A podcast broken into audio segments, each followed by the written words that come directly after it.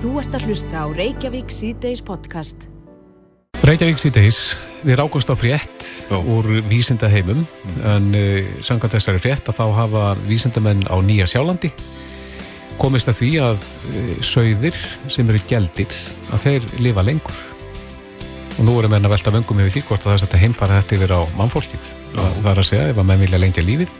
Að þú ert að tala um, um, gældingu um, um sauði. sem sagt, í, já, úr dýraríkinu í þessari rannsók Já, akkurat, akkurat ekki sögð úr, úr mannheimum nei, akkurat En á línunni er maður sem við leitum oft til þegar það kemur á frjósinni og öðru Akkurat. slíku, það er Arnar Haugsson, hvern sjúkdómalækni, komdu sæl.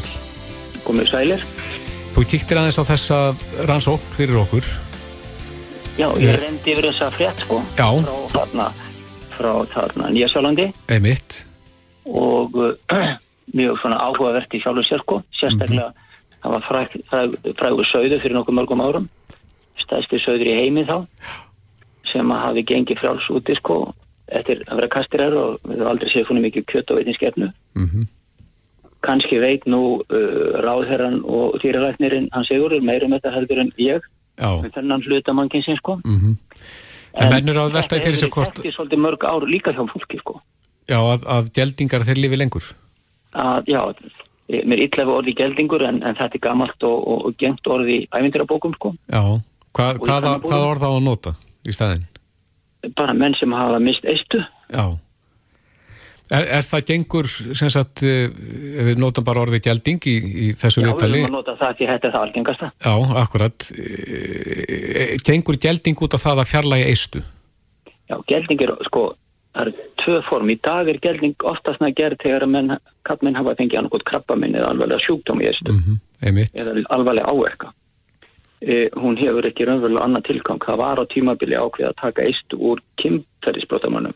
Mm það hefur ekki fengist það er í Evrópu sko. Nei. Já, dregur þá uh, uh, gelding úr, úr kynkvöld hún dregur kynkvöld ekki alveg en Nei. að mestu. Já, já, En það er, það er munur á, á ófrjósemi það er karla þar sem að sárásinir rauninni já. klift í sundur og, og svo aftur á móti geldingu.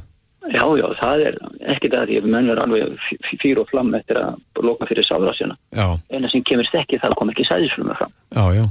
en all hormóni framlegast að fulla áfram Já, en það, kannski það nýjasta í þessari rannsóknir að þeir komast að því að, að sko DNA í sauðum, það eldist hægar. já þetta er það kom fyrst fram ef ég man rétt að svo langt síðan að ég lasa þessa grein fyrir einhverjum uh, 12-14 árum að þeir voru aðtuga DNA og komast að einfaldast í þessu tilfelli var að náði frá húð. Mm þá sáður að eftir þetta gerist þá var ákveðin breyting í DNA myndun já, sem að kannski Kári getum upplýst ykkur betur um. En allt tjent að þá þá urðu þarna breytingar sem voru margtækar og svo sáðu líka þessi menn lifiðu að meðaltali talsveit lengur heldur en jafnaldra þeirra sem ekki höfðu haft neina aðra sjúkdóma en heldu eistum já, já. En skipti máli hvenar þetta gerist?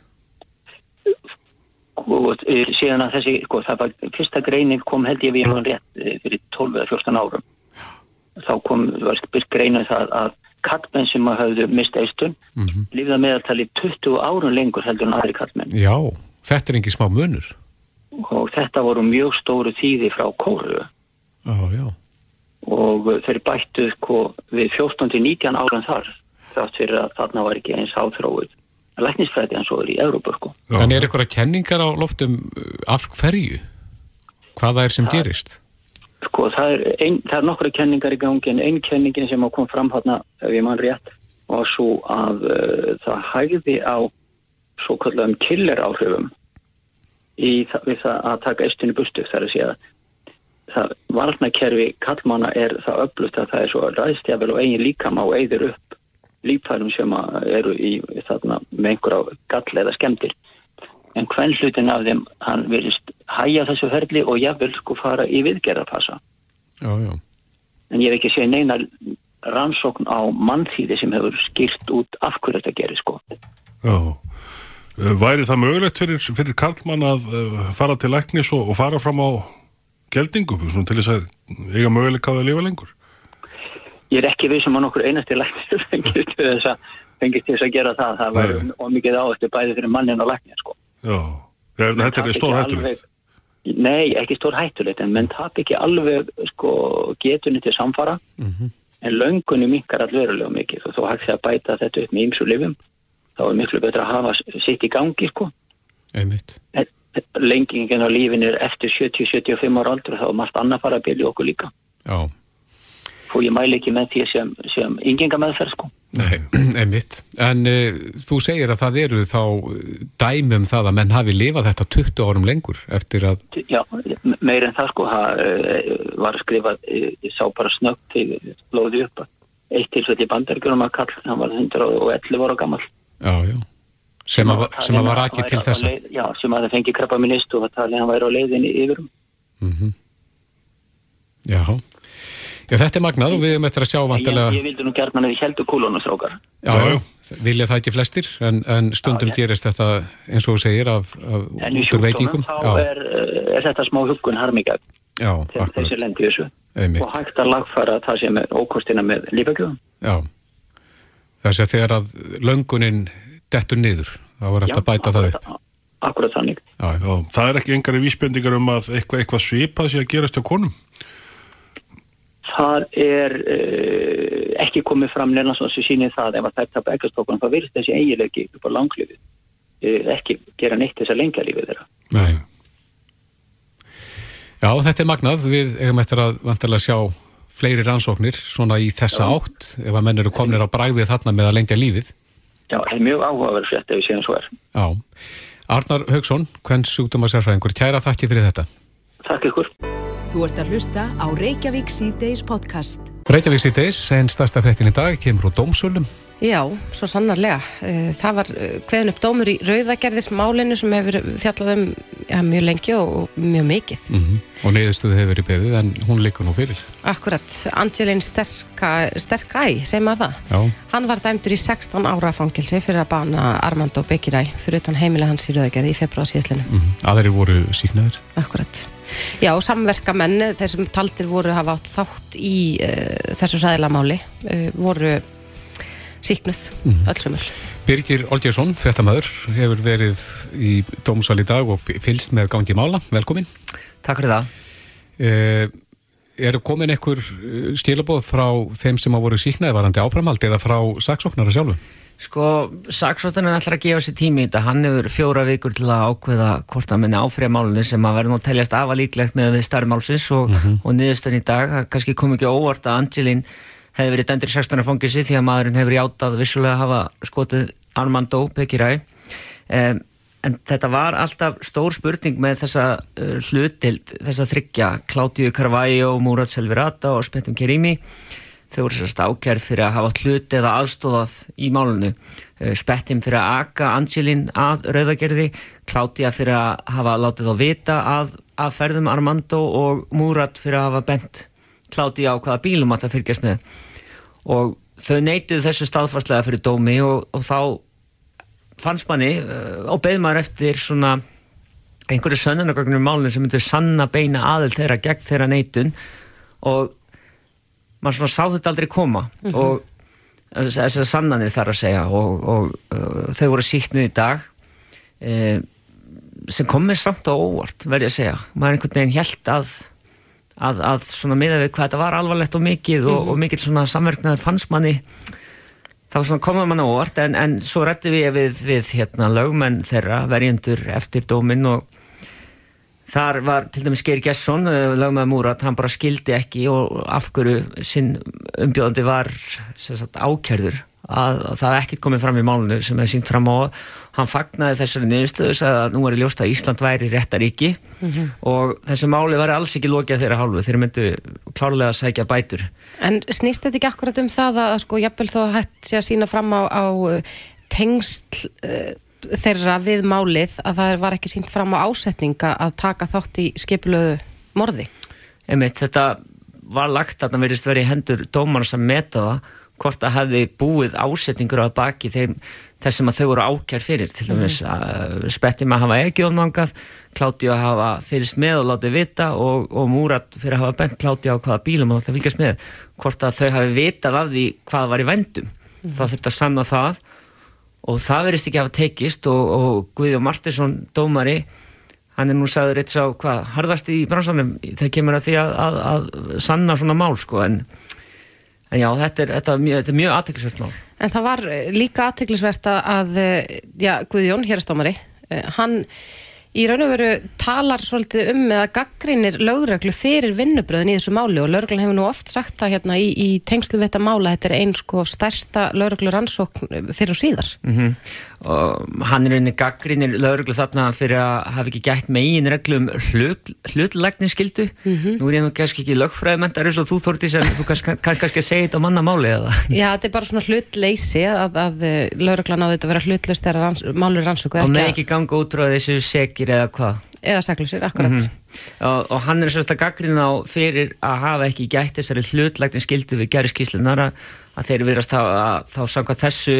nálgast rannsóknuna með svona einhverju fyrirframgefni niðurstöðu uh, og þetta er það sem að Geir Gesson til dæmis gaggrindi harðlega við almið fyrir málsins, hann, hann gaggrindi þessa skýrslu sem að ákjæran gegn múra til dæmis byggða harðlega mm -hmm. og verðist hafa eitthvað haft til síns málsmið eða hvað Guðjón segir, en svo þurfum við að sjá til hvað gerist í landsrétti.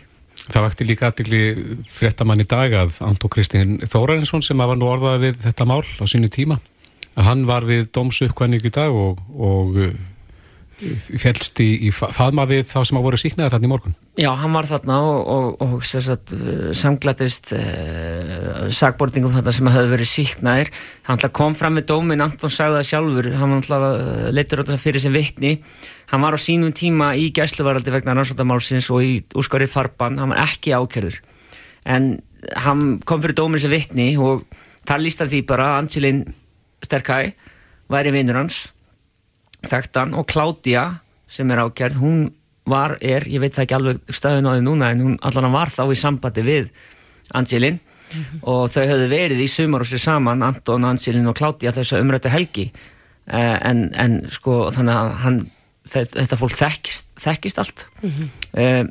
en ég rætti líka við sem sagt eh, Steinberg Fimboðarsson sem var verjandi Antons í málinu og, og hérna og svo að Steinberg var settur af sem verjandi að því að hann átti að hafa haft, átt í samskiptum við aðra sakbort ekki málunni mm. og hann er svo að að vinna núna að e, bótamáli fyrir Anton Kristinn vegna þessa máls og hann segir hann sömulegði skakrinir vinnubröð lauruglega harlega í þessu máli og segir reynin að lauruglan hafi reitt hátt til högs mm -hmm. og ætlaði að teikna upp einhverja flóknari mynd að hans mati heldur en svo að Angelin hafi reitt með verki hann, hann Steinburgur talar um þetta bara sem eitt mesta klúður lauruglunar sem að hann hafi orðið vitnað. Akkurat, eigum að búast við því að, að þessir sakbortningar sem voru síknaðir muni að kræfa skadabóta til dæmis eins og Anton sem var nú í, í gæsluvarhaldum lengri hríð? Já, Steinburgur er að undirbúa bótamál fyrir Anton og Geir Gesson búið að það að, að hann möttu taka sitt mál, málmúrats lengra. Mm -hmm. e, þannig að það má alveg búist við engamálum í þessu rauðagerðismáli hjá þessum sem voru síknið en ítrekka að þetta mun vantala að fara fyrir landsrétt. Akkurat, en uh, það vakti svona aðtekli mína þegar ég las frettir af þessu dag að uh, það verið mikið verið að tala um, um þetta morða, þetta hafi hennilega verið aftaka, skipulögð aftaka, en uh, maðurinn sem varð honum að bana fær 16 ára fangilsrefsingu Mm -hmm. Það er ekki þingstarefsing sem að dæmt hefur verið. Hefur heyrst eitthvað gaggrínu um þetta? Var eitthvað rætt um það hvers vegna já, hann hefði ekki verið dæmtur til ævilangra fangilsvistar eða eitthvað slíkt? Nei, það er alltaf Kolbrún Bendistóttir var í hérsraksvotninni sótt þetta mál og, og hún far, fór fram á hvað kallur það, refsi auka þingingu. Mm -hmm. Þannig að hámarsrefsingin er 16 og hún fór alltaf hvað 20 ár sem að eh, Guðjón varði ekki við, hann dæmdar í 16. fangilsi, hvað áður hafði Tómas Möller Olsen verið dæmdur til 19. fangilsisvistar eh, en þar inni var náttúrulega, hann var líka ákjörður fyrir fíknefndarsmíl, mm -hmm. þannig að það virtist á einhvern veginn, og það var ekki gert greinamennur á fyrir hvað hann dæmdur þar í 19. fangilsisvist en, en þetta er auðvitað stórt atriði sem að uh, Guðjón verður ekki við og þá veldur maður fyrir sér hvort að ákjæruvaldi muni áfriða þeirri neðustuðu einnig til landsrættar. En það er allavega ljóst að þessu hvergin er lótið þessu máli? Nei, það, það virðist vera allavega að það er eh, eitt ringur eftir í viðbót fyrir landsrætti myndi maður ætla. Og margir ángar? Margir ángar, já. Birgir Olgesson, fréttamaður, þú sýnir betur frá þessi fréttum í kvöld á stöðu 2. Ég mitt gerir það. Kæra þakkir. Þetta er Reykjavík C-Days podcast. Já, já, við höldum áfram hér í Reykjavík síðdeis. Mm -hmm. Já, vísitölur er ekki, ekki svona mitt tungmál, Nei, beint, má segja. En ég heyrði af eimdar vísitölu í dag. já. Ég hef ekki heyrt þetta áður, en þetta er vist ekki alveg nýtt að nálinni. Nei, vísitölur er náttúrulega mæling og mæli eining, en uh, ég hef ekki heldur heyrt af eimdar vísitölu. Það setja að mæla eimdina, fjárhagslega eimd. Mér skilst að hún mæli hversu mikil efnahagsleg eimt er í landinu. Einmitt. Konráð S. Guðjónsson, aðstofar Frankværtastjóri viðskiptaráðs Íslands er komin til okkar, kom til sæl. Takk. Já, þið eruð að uh, byrta þetta núna, uh, þar sem þið eruð að, að, að tala um það hversu mikil er efnahagsleg eimt hér á landi. Já. Hvað er eimdarvísitala?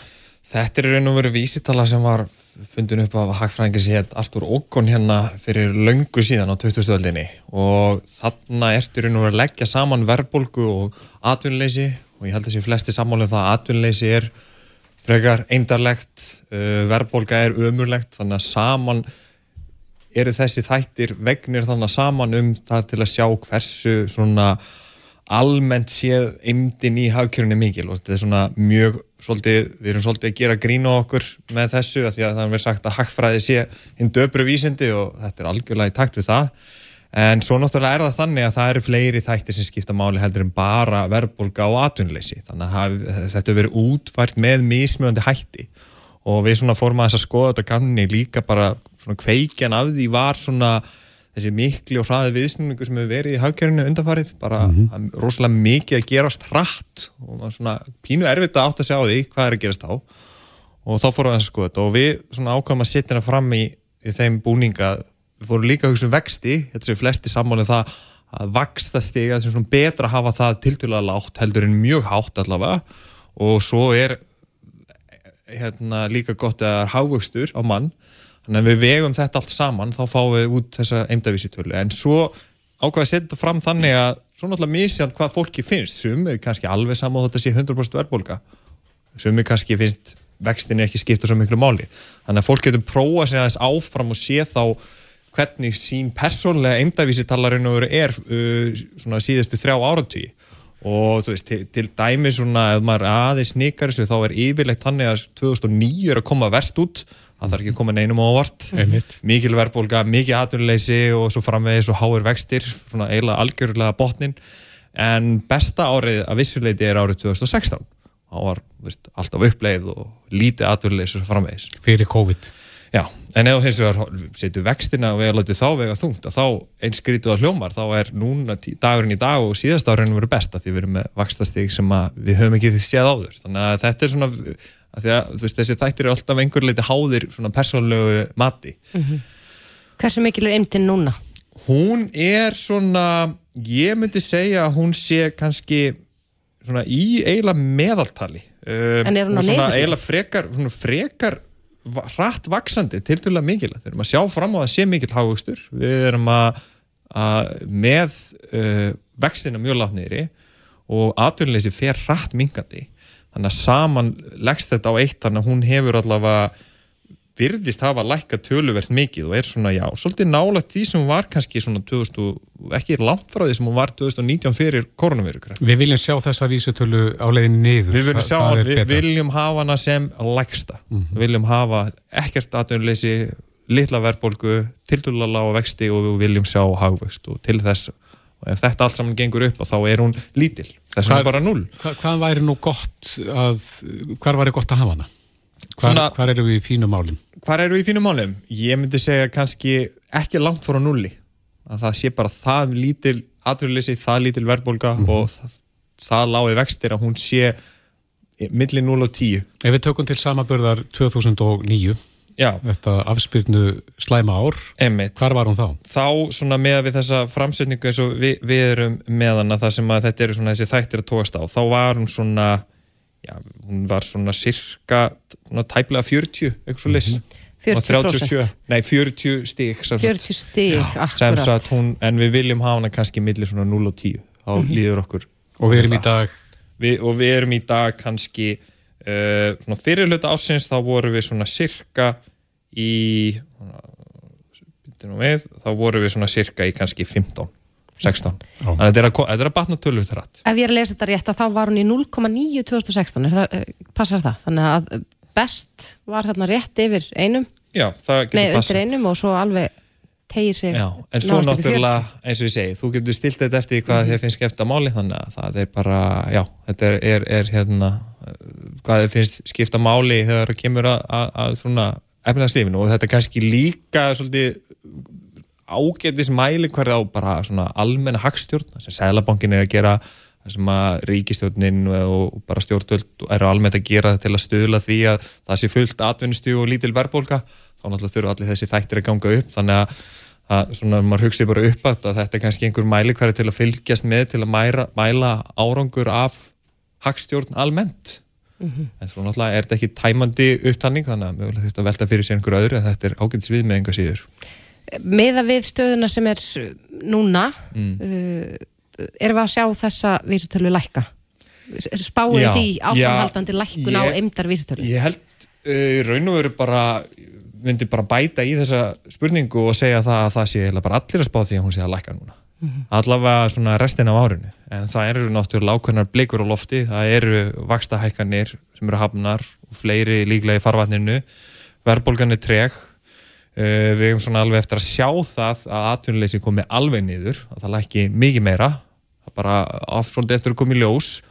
Og, og svo framvegis og svo náttúrulega hérna, veit maður ekki alveg veist, veist, að, að það er svona ekkert augljóst að það bara haldi áfram þessi rosalegi hraði uppgangu síðustu mánuði að hann haldi bara áfram.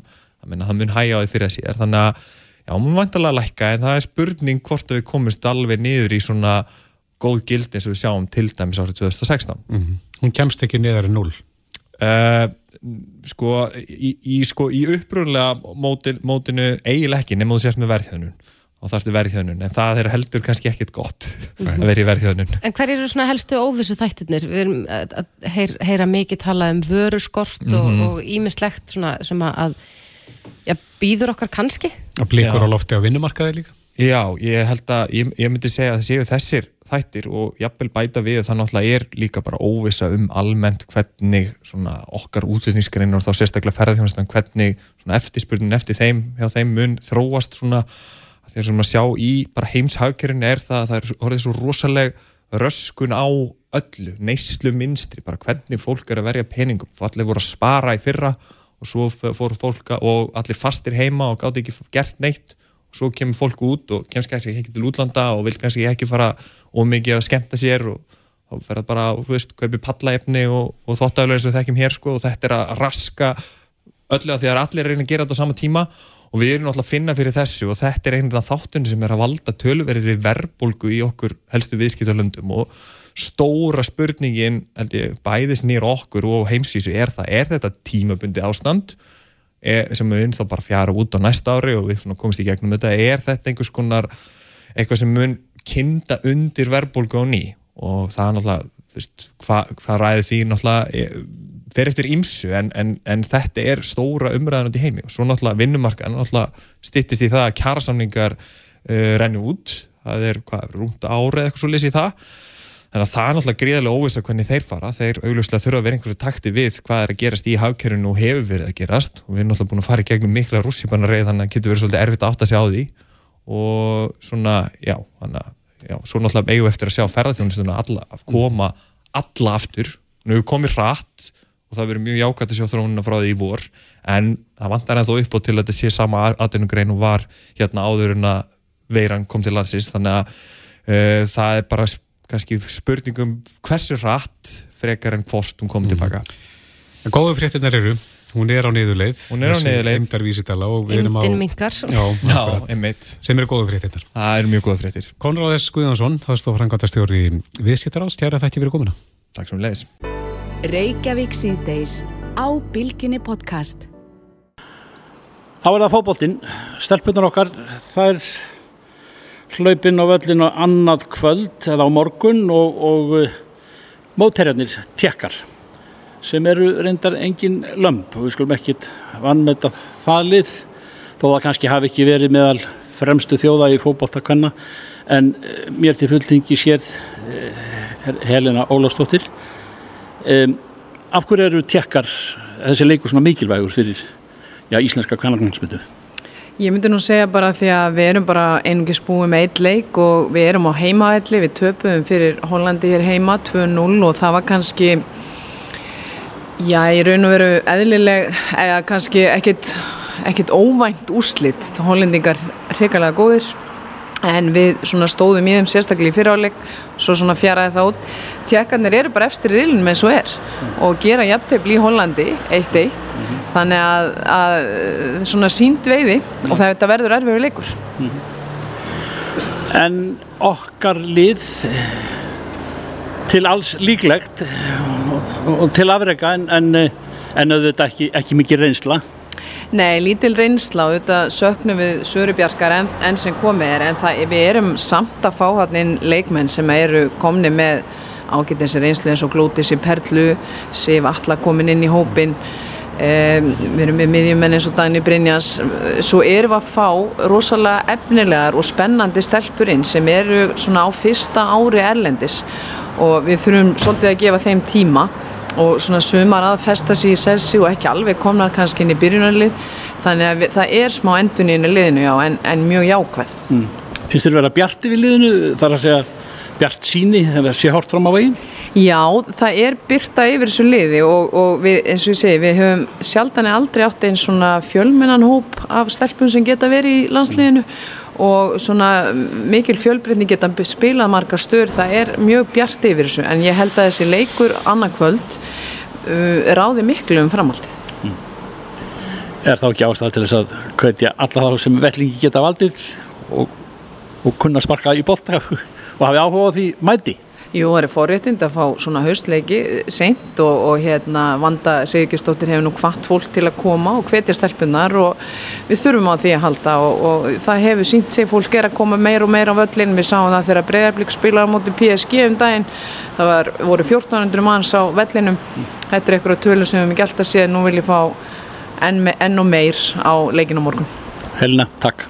Takk sem við leis Reykjavík síðdeis á bylginni Reykjavík sýtteis á bylgjunni heldur áfram. Það er ekki allir prestar á eitt sáttir með tillögu sem að leggja áfram á komandi kirkjuþingi. Mm, er hún rótæk? Já, má segja það, mm -hmm. kannski. Það hefur allavega hingað til tíðkasta að já, prestar fá aukagjald fyrir sko, svona sérstakar guðþjónustur á borði hjónavíkslur, útfarir og skýrnir. Já, svo er fermingafræðislan og, og allt sem því fylgir. Akkurat, en, en allavega það, það er, er ákveðin hópur presta að leggja fram þessa tillugu um að þessi auka gjaldskrá mm -hmm. að henni verið breytt og að, að prestar fá ekki lengur greitt fyrir þessi aukaverk. Með hvaða rökum þá? Já, það eru ímis rök. Það er talað um að, já, að þjónustakirkjuna er alltaf að vera grundvöldu á kristilegum kærleika mm -hmm. og án hindrana fyrir fólk og að þessi tímaskekkja og fráhrindandi fyrir ásýnd kirkjulegar þjónustu að prestur já, sendi síðan reikning eftir slíkar uh, guðstjónustur. Prestar eru á, er það ekki lönnum? Hjá, hjá ríkinu sem að, sem að eru þá borguð af skattgreðendum. Akkurat. En nú hafa allavega þrýr prestar sendt inn uh, já, umsögnum þetta þar sem þeir í raun og veru mótmæla þessari breytingu. Mm -hmm. En á línunni hjá okkur er Ninna Sef Svavastóttir, hún er formaður prestafélags í Íslands. Kontur sæl Ninna? Sæl og blessið. Já, eru, er, er prestastjættin klófin út af þessu málið eða hvað? Nei, ég held að hún sé nú ekki klófin en það er ekki dóæðilegt að hérna í stórum hópi fólks sé ekki allir sammála. Mm -hmm. en aðeins þetta hérna það er ekki prestar sem að leggja fram þessa tillögu. Eins og þau sögðum heldur er það óvíðir fulltrúar á kirkjöfingi Já. Þannig að hérna e, já, sko auka verk þetta er náttúrulega bara svo óhættilegt orð. Og, og nær náttúrulega engan veginn utan um þessa þjónustu presta við, einmitt eins og sæðir, skýrnir og hjónavíslur og útfæris. Mm -hmm. Þetta, sko, þjónusta á þessum stundum er sko engin auka þjónusta. Þetta er þjónusta við fólk á stæstu og viðkvæmustu stundum lífsins í bæði gleð og sorg. Og þess vegna tökum við prestaðir í þetta alvarlega þegar fólk treystir okkur til þess að vera með sér á þessum stundum og, og hérna þetta orð auka verka þjónusta næri ekkert að endur spekla þann veruleika. Nei. En eh, hver eru mánadarlaun prests? þau eru bara, þau eru misjöfn og fara eftir e, stærð prestakalla aðalega og við erum, eh, gerðum okkar fyrsta kjara samning við þjóðkirkjuna núna í, í vor, vorum lengi ennbættismenn ríkisins en erum núna sem sagt ekki lengur ennbættismenn ríkisins heldur starfsmenn e, þjóðkirkjunar, biskustofu og gerðum okkar fyrsta kjarasamning í vor og það er einmitt hverið á um þetta að, að þetta haldi áfram annars vegar þess að fáið mánaðalaun fyrir vinnun okkar og svo hérna er okkur heimilt að innheimta gjald fyrir þessa þjónustu. Já, getur þið gefa okkur eitthvað hugmynd um mánaðalaun uh, prest, eða presta, svona, er, er ykkur, ykkur meðalaun sem að búið er að reikna út? Já, svona sko 7-800.000 Já, Akkurat. og þá er það auðvitað eins og við vitum öll að hérna störf presta þau fara auðvitað fram á öllum tíma sólarhingsins, við fáum ekki greitt til dæmi sérstaklega þegar við erum kölluð út að nætulagi vegna andlát svo við vinnum auðvitað alltaf stórháttíðir og, og allt það sko. um, Kjaramála fulltrúi prestafélagsins eh, skilaðin umsögn og þar nefnir hann þau rauk að í okkar samfélagi er greitt fyrir flest bæði vöru, kaup og þjónustu og að, að eh, maður heyrði nú gaggrinni á þessi rauk vegna þess að, að vissulega greiða þeir sem er í þjóðkirkjunni gjald fyrir Já, þeir sem það er alveg rétt, þeir sem eru í, hérna þjóðkirkjunni greiða sóknagjöld í, í hverju mánu til síns trúfélags eins og fólk gerir, sem er skráð í hérna trúar og lífskoðanafélag að það fer hérna er greiðir mánuðarlega og auðvitað getur maður skilið það að fólki finnist það sem sagt skjóta skökku við að borga bæði það og, og svo þegar að hérna það kallar til prestin sinn og, og hérna en sóknargjöldin, þessi mánalegu gjöld, þau renna til starfsins í í e, viðkomandi sókn. Þannig að þegar þú borgar sóknargjöldið þín þá fer það til dæmis til að greiða bara rekstur kirkjunar, hýta og rama e, greiða fyrir laun organista, kirkjuvarðar fyrir þau sem að sjá um barnastarfi allt þetta. Akkurat. En hefur það einhvern tíman verið, ég nú veit ég ekki hvort að þú sért með það á hreinu, en sko hefur oft verið talað um það að fjölmarkir, já hreinlega greiði í þjókirkjuna á þess að nýta sér nokkuð tíman þjónustuna, hefur það einhvern tíman verið skoðað hversu margir eru virkir þáttakandur í uh, starfi kirkjunar af þeim sem að það greiða í? Bara, nei, einmitt. Og það væri náttúrulega bara kannski sko áhugavert að skoða það. En án þess að ég geti fullirt neitt um það, þá finnst mér mjög ólíklegt að þessi stór hópur sem tilhýri þjóðkirkjunni sem að aldrei sækir sér þjónustuðanga, skýrnir, fermingar, hjónavíslur, útfærir eða takki þátt í einhverju sko safnaðastarfi. Þannig að án þess að ég geti fullirt um það, þá finnst mér það mjög ólíklegt. En hefur þau heyrt í gegnum tíðanum, maður hefur svo sem sjálfur heyrt þá umræðu að, að fólki blöskarar oft, fólk sem er að senda börnin sín í fermingafræslu og annað slíkt og finnst það þetta eigi að vera bara innifælið í sóknargjöldunum? Já, auðvitað heyrir maður það. Það eru skipta skoðanir á, á þessu, hvernig, hvernig það á að vera. Þannig ég, það, ég, ég kannast alveg við það og þess vegna er það líka, einmitt líka innan okkar raða, prestana. En inna, eru greiðslur fyrir aukastörfin stór hluti af launum presta? Sko það getur þetta verið mjög mismunandi, oftast er þetta náttúrulega bara sko, mjög lítið hluti af, af, af hérna, tekjum presta mánuðlega en hérna, við erum þetta bara í svo mikilvægum stöðu prestarnir sem okkar þjóna í mjög lítlum prestaköllum út á landi þar sem er eðli málsins samkvæmt lítið um þessi svo kallu aukaverk. Önnur okkar eru í hérna, fjölmennum prestaköllum á höfuborgarsvæðinu og eiga hægara um vik með að þjónusta fleiri við aukaverkinu og er með fleiri sóknaböld. En er líka munur á vinsaldum hreinlega? Neina. maður mað spyr sig sko, ef, að, ef að það er eitthvað svona ákveð, ákveðin prestur sem er meira í umræðin en annar, fær hann fleiri aukastörf? Já, við, þekk, við þekkjum það að sumi prestar er, sko, við vitum það eru hérna mikið að skýra og gifta og jarða og, og allt þetta og það er bara hérna og það er líka sko frelsi sem er í okkar þjóðkirkju að þú getur leita til þess prest sem að þú prestir og vilt hafa hjá þér. Þú ert ekki bundin af því að leita til pressin sem að hérna e, er í finni sóknarkirkju og sumum finnst þetta sko mjög dýrmætt frelsi. Já, en eh, nú er allavega búið að, að á að leggja fram þessa tillögu ekki sett á komandi kirkjuþingi Jú. í hvað, í hvað farveg fer þetta? Er þetta lagt fyrir ykkur að, að taka, Nei. að kirkjuþingið vissulega sem tekur ákvörðunina, en eh, hvernig er svona hljóðið í stjettinni? Ég held að sko svona flestir prestar sem ég tala við eru ósáttir við þetta og kannski aðalegi ljósi þessa e, e, samþyktum við kjarasamning fyrir tremi mánum síðan þar sem að var hverð á um áframhaldandi rétt okkar til þess að taka gjald fyrir þessi verk. Og svo kemur þetta einhvern veginn núna sko þremi mánuðin setna þá er ég bara að taka þetta af okkur án e, samtals við okkur um það. Og það eru þetta óþægilegt. Og hérna við hefum þetta hérna gætnan vilja þetta bæri öðruvísi að. Auðvitað get ég alveg tekið undir það að það væri heppilegast að þetta væri hluti af laununum okkar en það er ekki hægt svona einhliða að kippa þessu undan okkar réttindum Nei, þá þarf að semja sérstaklega um það. Já og það er bara svona hérna góðir mannasiður og, og hérna eiga samskipti um hlutina sem að hérna fólk er ekki kannski sammála um. Nei, áttu vona því að þessi til að verði feld. Það eru þetta sko, vegir kirkjuþingsins eru órannsaklegir, þannig ég, ég treysti mér ekkert til að segja til um það. Ég vona að þetta verði ekki samþygt. Ef þetta er þið samþygt, sér þið fyrir þið flótta úr stjettinni? Já, ég held sko, og svo er það annað að uh, við höfum náttúrulega ekki mörg önnur hús að venda, prestar sækja ekki um störf hjá eh, mörgum trúfélögum eða mörgum, það er einn þjóðkirkja á Íslandi, þannig að við erum líka svolítið háð því að þjóðkirkjan sé okkur velviljið og, og við göngum svolítið í takt og séum hérna saman í liði. Mm Hvenær er, eh, fer kirkjuþingið fram? Það hefst núna lögadaginn. Mm Það stendur eitthvað fram í næstu viku. Það eru prestar í minni hluta en óvíðir í meiri hluta. Akkurat. Þannig að þetta getur orðið spennandi kostning.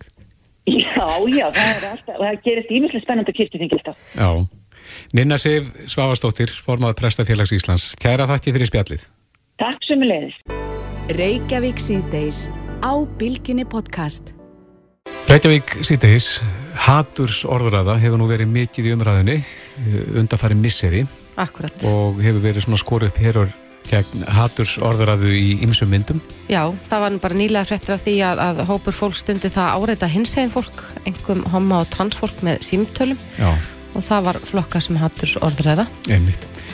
En við rekumst á uh, pistil hérna inn á skoðun, inn á vísi.is sem að ber uh, fyrirsögnina haturs orðræða er ekki til. Já, þar uh, rítar maður og segir að haturs orðræða sé lélegt orðatildegi til þess uh, að takast á við raunverulegt vandamál og að orðið sé hún atlega gegn tjáningafrelsi. Já. Sá sem að skrifa þetta er Þórarinn Hjartarsson sem er þáttastjórnandi hlaðarpsins Ein Pæling. Komdu sæl. Sæl og bless. Já, haturs orðræða er hún ekki til? Er ekki, er ekki, getur ekki verið sammála það að hún er til? Það er bara spurning hvernig á að taka á henni. Ah, það er nú hægt að fara raukur því að hún sé ekki til út af því að við erum alltaf öll með mismunandi skilgreiningar um það hvernig, hvað hattusvara er í raunin að vera. Mm -hmm. og það er raunin sittinist hverjum um það hvar línan skulle dregin. Þannig að í sjálfu sér er engin borlegjandi skilgreining sem við getum borðið saman við umræðina þannig að ég er alveg á því að hún sé ekki til út af því að ef við erum ekki með raunverulega skilgreiningu þetta bara kemur á þekkingafræðanum þá er, er hún ekki til Þannig að við, við, þú vilt ekki já, já, nýta þær skilgreiningar sem notaðar hafa verið í lagalegum skilningi? Nei, nei, já, ég meina, þú veist, ef, ef við erum með lagana skilgreiningar, það geta allir sett upp sinn lagabókstaf, svo setja ákveðin samtök sinn lagabókstaf og svo eru ákveðin einstaklingar sem hafa sína hugmyndir og í sjálfu sér er þetta bara mjög vond út af því að við erum í raunin að réttlæta hugmyndir og hugssjónu þeirra sem við teljum vera með mjög varhuga að vera hugmyndir sérstaklega í garða einhverja minnulötuhópa út af því við sjálfu sér erum að segja við við getum ekki tekist á við ykkar hugmyndir með því að hérna, færa rauk gegnum eða jafnvel beita háðum út af því að þau eru bara of, við erum of vittlust til þess að, hvað við að segja nota betri okkar einn hugmyndir til að taka á við þessu umræð. Mm -hmm. En þegar að, að hópar eins og, eins og til dæmis ég myndist á hérna um daginn það er nýbúið að vera í fréttum að mm. já, hópar stundi það að, að ráðast gegn hinsegin fólki uh, hvetja til ofbeldis meðal annars sem er, er hluti af þessari skilgreiningu sem við eigum á orðinu haturs orðraða. Uh, þú tólkar það ekki svo? Nei, ég menna Jakob Bjarnar vinnu minn sagði hérna í bítinu minni mig að hafi verið frekar áhugaverða uh, staðhæfingu þar sem hann færði sko rauk fyrir því að þeir sem að væru sko, það munar á því að vera móti sko markmiðinu og á móti aðgerðanum. Og því að ég er alveg samanlega því að það náttúrulega ekki til eftirbreytni að vera, hvað ég var að segja, uh, hóta eða drulli yfir hó- uh, hópa en í sjálfu sér myndi ég fara fyrir því að það er ekkert til þess að það er ekkert sem að betrum bætir um, umræðina að segja að banna fólki að eiga að, að bæra fram rauk fyrir þeim sjónamið. Mm En þú segir hérna í pislinuðinum að, að þessari þróun hefur tekist að valda miklum skada í vestrænum ríkjum undanfæran ár og, og hefur tekist að valdefla populísk öll bæði í Evrópu, Bandaríkjum og víðar. Hvað, hvað áttu við með því? Já, ég náttúrulega, ég skrifaði hérna bíaritgerðina mína um Trump og ég samvætti við islamafóbíu sem að margir muna eftir í kringu 2015 þegar það var ráðist á bæði París og svo munum við líka eftir í bandaríkunum hérna á einmitt klúb fyrir samkynna sem bara heitir Pulse. Mm -hmm. ekki hvað hann heitir, Omar Mateen minnum hann heiti, maðurinn sem að framdi þau voðaverka sem hann uh, draf 49 samkynna einstaklinga í nætuklubi en hérna við sáum það sko að þegar við- verðum að tala um þessa hattusorræðu og allir sem að töluðu gegn einhvern hópum væri bara hérna spurningamerki um ákveðin trúabröð eitthvað þess að það væri bara hattusorræðu þannig að sko eins og ég segi hérna, hérna heima þá erum við að sjá þróun þar sem að fólk er sko að leifa sér að draga línuna eftir eigin hugsunum og þá erum við komin með alls konar og það með ekki móðka, það má ekki tala um þessa hluti, það má ekki tala um þessa hluti í staðin fyrir bara að takast á við umræðina þannig að sko, ég er að reyna að færa rauk fyrir því að í stað þess að mitt bara segja fólk að með ekki tala þá vil ég einmitt fá nákvæmlega þær útlendingar frá þessu fólki um það hvað það er raunverulega að segja og þá er kannski líklega að takast á við það En nú erum við hérna sem erum að spjalla saman kannski ákveðin forrættundastöðu held ég, það ekki þið náttúrulega ekki en, en uh, ekki þannig sé eininu minnarhlutahóp og höfum mögulega ekki orðið sjálf fyrir einhvers konar hattursorðið þar sem er verið að hvetja einhver til þess að fremja ofbeldisglæpi í okkar garð. Erum við alveg í, í þeirri stöðu að geta rætt af þessum nótum? Nei, en ég menna sko að sjálfsögðu erum við í þeirri stöðu. Ég menna við erum að geta að tala, ég, ég er ekki að fara að segja að manneski sem er samkynna og get ekki tala um gaggina og það er ekki gaggina. Og ég er ekki að fara að segja að það talpa að manneski að hann með ekki tala um hvítbólk út af því að hún er ekki hvít. Þetta er rauninni svolítið sko öfusnúin umræði sem að snýra því að sko við verðum að geta tekið sjálf okkur út úr samhenginu. Við myndum aldrei tala, segja hérna, við, eða geðingum myndi aldrei segja við okkur, við getum ekki talað um helfarnót ef við erum ekki geðingar það að geta ekki tekið sjálfan sig út úr jöfnunni væri náttúrulega alveg algjörlega fráleg. Mm En þú segir líka í pislinum að, að umræðan ef hún er kæfið svona niður að, að hún hverfur ekki. Nei. Hvað verður um hana? Ég meina hún, meina, ef við, ef við segjum bara við mann hérna þú mátt ekki segja þetta og þú mátt ekki segja þetta þá getur hann í rauninni fært rauk fyrir því sjáðu, kannski er eitthvað hana sem að þú mátt ekki heyra sem er einhver sannleikskort sem að þýðir það að hann getur rauninni fært rauk fyrir sínu máli með vísan til þess að hann hafa svo rétt fyrir sér að ráðandi öll leifunum ekki að segja þetta. Og þess vegna finnst mér eins og með mér skilur áhugavert að hópar eins og samkynnið og hérna aðra menninslutahópar sem að hafi rauninni verið bannaðir með vísan til þess að þetta sé svo ótrúlega hérna, já bara samanlist ekki sinnferðskildum okkar að þau séu að berjast fyrir því að að banna ákveðna umræðu því að það hefur verið bannað að vera samkynniður og nota hérna, tjáningafrælsitt í árþúsundir þá getur bara fyrir um hvað, 50 árum. Þannig að áhugaverkani umræðan hefur snúist við. Og því að ef við setjum fordæmi og lagabókstaf fyrir því að ætti að banna hattusorraði þá er völd sem að við erum að kjósa fjara fresti sem er sjálfstæðflokkurinn núna að þeir eru að fara að ráða því hvað við meðum heyra og segja. Og fólki finnst mjög auðvelt einhver einn að vísa til þeir einhverja rosalega öfgaföldra umæla en við þurfum átt okkur því að er svona hvað var að segja, allt svona er fordæmisgefandi sem að þýðir það að þeir getur fært raukverði að banna umræðum til dæmis kótakonga við meðum ekki tala illa um kótafólk út af því að það er orðið svo aturfullt og er svo atramt og þeim líður svo illa. Og erum við þá að fara að leira, hérna, leifa það? En þórun að þínum að þetta ætti tjáningafrælsir hennilega að vera algjörlega óbeislað? Já. Auðvitað erum við með meðanamál og svo að líflagsfólkinu að því undarskyndu þá hefur við náttúrulega bara getað tjáð okkar, okkar skoðanir. Og líka ekki bara, sko, ekki bara tjá okkar skoðinu, heldur líka heyra það sem aðra hafa að segja. Því að við, er, við, við mótumst eftir umhverf okkar. Og þegar einhver til dæmis hvað ég var að segja, segjum einhver ný- nýnazisti hérna á Íslandi er að segja einhver hróðlega hluti þá vil ég ekki banna hann að segja, ég vil að hann komi og segja það. Út af því að ég tel mig í stakk búin til þess að geta tekið þá við þá umræði við hann Mhm. í versta falli lappar hann í burtu og hann breytir ekki skoðunum sinna, menn allavega þá höfum við tækið frá því að takast á við hans hugsanir. Akkurat, en, en þykir þér vera þöggun í kringum þessu máli, ef ég bara held áfram með dæmi sem við tókum hérna, hérna áðan með, með þessi símtöl til hinsegin fólks, það sem var verið að hvetja til ofbeldis um, það er nú skapaðir hennilega bara mjög mikla umræðu og samstöðu með þeim sem að urðu fyrir, já, haturs orðræðinu ef að hana má kalla það Já, að ég gef nú lítið fyrir þetta hugmyndur um einhverja höggun í sjálfu sér. Ég meina, ég eh, hef til dæmis aðgengja því að geta byrt pistla á mjög aðgengilegan máta hjá ykkur og ég get sagt það sem ég get vel í mína hlaðvarti. Þannig að ég veit ekki, það er fólk er eitthvað voðlega mikið að segja að segja að þakka það niður á Twitter og hvað þannig. Ég gef nú bara eiginlega lítið fyrir það. Mhm. Þannig að svona, ef við streikum undir að þá viltu bara fá alla umræð upp á, upp á yfirborðið og takast á við hana. Já, ég meina ef við erum á vitlust til þess að geta tekist á við rafhengta, þá eru við bara miklu verið í staði heldur en að þurfa að takast á einhverja hatusóraði telli. Já. Já, áhugavert. Þórarinn Hjartarsson, uh, þáttastjórnandi hlaðvarpsins Einn Pæling. Takk kærlega fyrir þetta. Takk kærlega. Þetta er Reykjavík C-Days podcast. Reykjavík síðdeis, ef að kíkja þess að dagskrafstöða 2. Já, ég er mjög spennt fyrir annari þáttaröð af þáttunum ummerki Já, sem hefjast núna á sundaginn. Einmitt, og um, þáttaröðin síðasta vakti mikla aðtikli Svo sannarlega. vegna þess að þetta er yfirleitt uh, sá hlut í samfélagsinn sem að almenningur hefur mikið áhuga á Mm en uh, fáum sjaldan að sjá Já, við fengum einhvern veginn aðra sín á uh, þessi já, sönnu íslensku glæpamál, má Einmitt, segja. já. Og uh, þátturum vakti eins og segir mikla aðtekli og ég held að, að þau hafa fengið já, þrjár tilnefningar, tilnefningar til edduverlina Mhm. núna um daginn. En Sunna Karin Sigurðarsdóttir er komin til okkar, kom til sæl. Sælverið.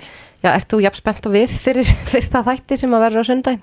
Ég er spennt en samt er alltaf eitthvað stress sem að fylgir því að uh, byrta fyrsta þáttin í nýri þáttaserju. Þetta er Mhm. þriðja þáttaserjan sem ég gerir núna á uh, einu hálfu ári kannski, tæpu. Er eitthvað nýtt þarna svona fyrir utan málin eða, eða er samskona vinsla við gerð þáttana? Já, svona serjan er kannski áþekk þyrri fyrri þar sem að uh, megin stefið í henni voru rannsóknir á mandráfsmálum. Mhm. Við gerum það áfram en við fjöllum líka um annars konar rannsóknir, við til dæmis fjöllum um bankarán Mhm. og kynfyrirsbrott og sko sá málaflokkur er auðvitað gríðarlega viðkvæmur og það skiptir máli hvernig það fjallað um þetta.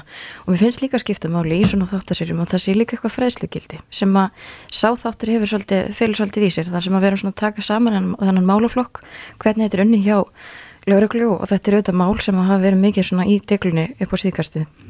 Þannig að við förum svona yfir bara sko já, einmitt þennan málaflokk og, og það hefur pottur verið brotin í honum. En hins vegar hefur svona lagt aukin þunga í uh, meðferð þessara mála og þessum uh, þessum rannsóknum. Mhm. og við hefum séð breytingar til dæmis bara á uh, dómskerfinu. Dómar sem hafa verið að falla í kemfyrirsbótamálum eru þingri reyndar hefur landsettur aðeins verið að breyta því og, og hérna uh, stýtta dómana. En, en hins vegar svona það eru ymsa breytingar. Já. uh, við turum líka við mann sem að hefur banað öðrum manni og það er svona svolítið áhugavert og fróðlegt að fá að skeignast aðeins inn í hugarheim einstakling sem að hefur framið svona voðaverk. Og frekar heldur en að við séum eitthvað að þjarma á honum hvernig honum líði með sér sjálfan yfir að hafa gert þetta þá svona fáum við aðeins bara að kynnast manneskinu hvaða, hvers vegna gerir þetta? Hefur þetta áhrif á þig? Hvaða áhrif hefur þetta á þig? Og, og síðan líka sko finnst honum hann eiga skilið bara reynlega að vera í þessu samfélagi. Og þetta er svona uh, hlutir sem að sko maður einhvern veginn getur ekki gert sér það í hugalind hvernig þú vinnur úr þessu. Nei, en það hefur þetta líka verið svolítið umræðinni að undanförnu það byrtist nú eitthvað myndski á TikTok fyrir ekkit allöngu síðan þar sem að já, maður mætti öðru manni sem hafði banað frænda hans og, og þá Einmitt. varð svolítið mikil umræða um það sko þegar þú ert búin að afplána þinn dóm hvort þú eigir reynilega afturgengt í uh, samfélagið. einmitt, nákvæmlega og hann svo sem hefur komið sér á strik og svona, hann er betri maður í dag að hann sögn, hann er hérna uh, hann mentaði sig og er komin í vinnu og hann talar um það að þetta séu þetta eitthvað sem að fylgja honum allæfi Mhm. og eitthvað sem að hann hugsa um hverjum einasta degi En er það ekki líka akkurat markmið refsugvæslu kerfisins hér á landi að þetta sé betur en að vist? einmitt, algjörlega og hérna, og hann lítur á þetta þannig og uh, hann talar svolítið um það að hann hafi meira ákveðið að- verða betri maður fyrir fólkið sitt Mhm. um, hann talar svolítið um mömmu sína, þú veist þetta hafði náttúrulega gríðarlega áhrif á mömmu hans en líka á aðstandendur auðvitað hins látna Mhm. og þá líka fyrir við svolítið í það ég spyr hann til dæmis hvort hann hafi einhvern tímann haft samband við fjölskylduna en fangelsisprestur sem að starfar í fangelsum ráðlaðunum gegn því og við förum líka, tölum líka við fangelsisprest sem að svolítið talar um það á fólk sem að fremur einhvers konar glæpi að reyna að nálgast einstaklingin, Mhm. nálgast fólki í kring En hvað er þetta mörg mál sem þið tæti fyrir? Þetta eru fimm mál, sex þættir Og er eitthvað tímamark á því hvað tæti þið nýmál? Ja, hvað liggur eitthvað rammi þar? liggur svo sem Hvað farið langt aftur í tíman eða, eða framarlega í tíman öllu heldur? Nýjasta málið er frá 2015 það er sérst fyrsti þáttur á Mhm. sunnundag sem fjallar um konu sem að eh, banaði sambílismanni sínum Mm og það er líka svolítið áhugavert mál það var mál sem að vakti einhvern veginn ekkit rosalega mikla aðtekli í samfélaginu. Ég saði þetta mál í dómsal sem blaðmaður á vísi en þetta var sérst kona sem að uh, stakk mannin sinn til bana en hins vegar átti þau sér enga sögu um ofbeldi og það var engin aðdragandi að þessu. Mhm. hún man ekki eftir þessu. Bara, hún er bara ein til frásagnar. Það var, voru engin vitni. Og sko það má alveg velta ég fyrir sér og það, því er alveg velt upp í þáttunum hvort að, að þetta, hvort hún hafi raun, raunverulega gert þetta og því hún talar ekki ítlum mannin sinn Mhm. um, vildi hann aldrei neitt mein Akkurat. En eins og ég saði þetta náðan að þá vöktu, vakti fyrsta sérija mikla aðtegli og sérstaklega kannski, ekki sérstaklega, einnig vegna þess að við höfum ekki beint séð svona sjónvarsefni hér áður, það sem var verið að, að uh, endurgera allt. Nei, einmitt. Feng, fegstu mikil viðbröð við því? Já, ég fekk mikil viðbröð en það eru þetta rosalega dýrmætt að fá að, að fylgjast með og, og fræðast um það hvernig þessar rannsóknir eru unnar og bara raunverulega hversu mikill tækni lögreglan á Íslandi býr yfir. Mhm. Sýnir þið raunverulega gagn frá vettvangi eða myndir eða annað slíkt úr þessum málum? Sko, já og nei, við sínum frétta efni, efni sem að uh, hefur byrst í fréttum. En nei, ekkert úr stjölum lauruglu? Nei. Myndir og annað slíkt? Ekki myndir, nei. nei. Nei. Já, fyrsti þáttur uh, af uh, annari þáttur af ummerki á sunnudaginn á stöðu 2. Sunna Karin Sigurðarsdóttir, takk kærlega fyrir komuna. Takk fyrir mig. Hlustaðu hvena sem er á Reykjavík C-Days podcast. Það eru margar þjóðar íþróttinnar. Um, hvað er britsið? Uh, var, var spurt á dögunum. Já, svona í þann mynd sem að þeir þraut menn sem hafa verið í fórustu sveit brits íþróttarinnar á, á, á Íslandi uh, tóku sér til og held upp á ammali Bermuda skálarinnar. Nú veit ég að, að yngra fólk veit ekkit hvaða skál þetta er sem við er átt en hún varð heimsfræganda við heimsmeistarar fengum þetta uh, þetta er heimsmeistara byggarinn í raun og veru Britsins, það er Bermuda skálinn og, og við sestur þetta niður með fórsetta Britsambansins, hún Jafet Ólafsinni uh, þú ert það þá formaður en, en hvar er, er Bermuda skálinn? Já, við á sínu tíma margir spyrja af hverju heitir þetta Bermudaskál en það var þannig að fyrsta heimsmeistaramótið í kringu 1950 er haldið á Bermuda og þaðan kemur þetta nafn og það var ákveðu bandarengamæður sem gaf heilmikla skál mm. og það þurfti að gefa henni eitthvað nafn og henni var náttúrulega að gefa nafni Bermuda skál vegna þess að hún var fyrst afhengt þannig á Bermuda mm. Nú heimsmeistarmóti hefur haldið alla götur síðan á, á tveggja ára fresti og uh, það var uh, þannig að, uh, Ítalir og bandarækjamennin voru nánast einráðir að vera heimsmeistarar í Brits og mikil Brits hefði hjá báðum þessum þjóðum. En litla Ísland tröflaði þessa mynd eh, 1991 í Yokohama þegar Björn Ísteinsson fóru með vastlið þangað. Og uh, þeir komu heim með Bermuda skálana, eruðu sendt heimsmeistarar og, og ætti mikla alþjóðlega aðtigli og að litla Ísland með 300.000 íbúa þá skildi vera heimsmeistari. Og uh, þeir komu hér í leifstöð og, og uh, með Bermudaskálina stóru sem er fengið að halda á í heilt ár.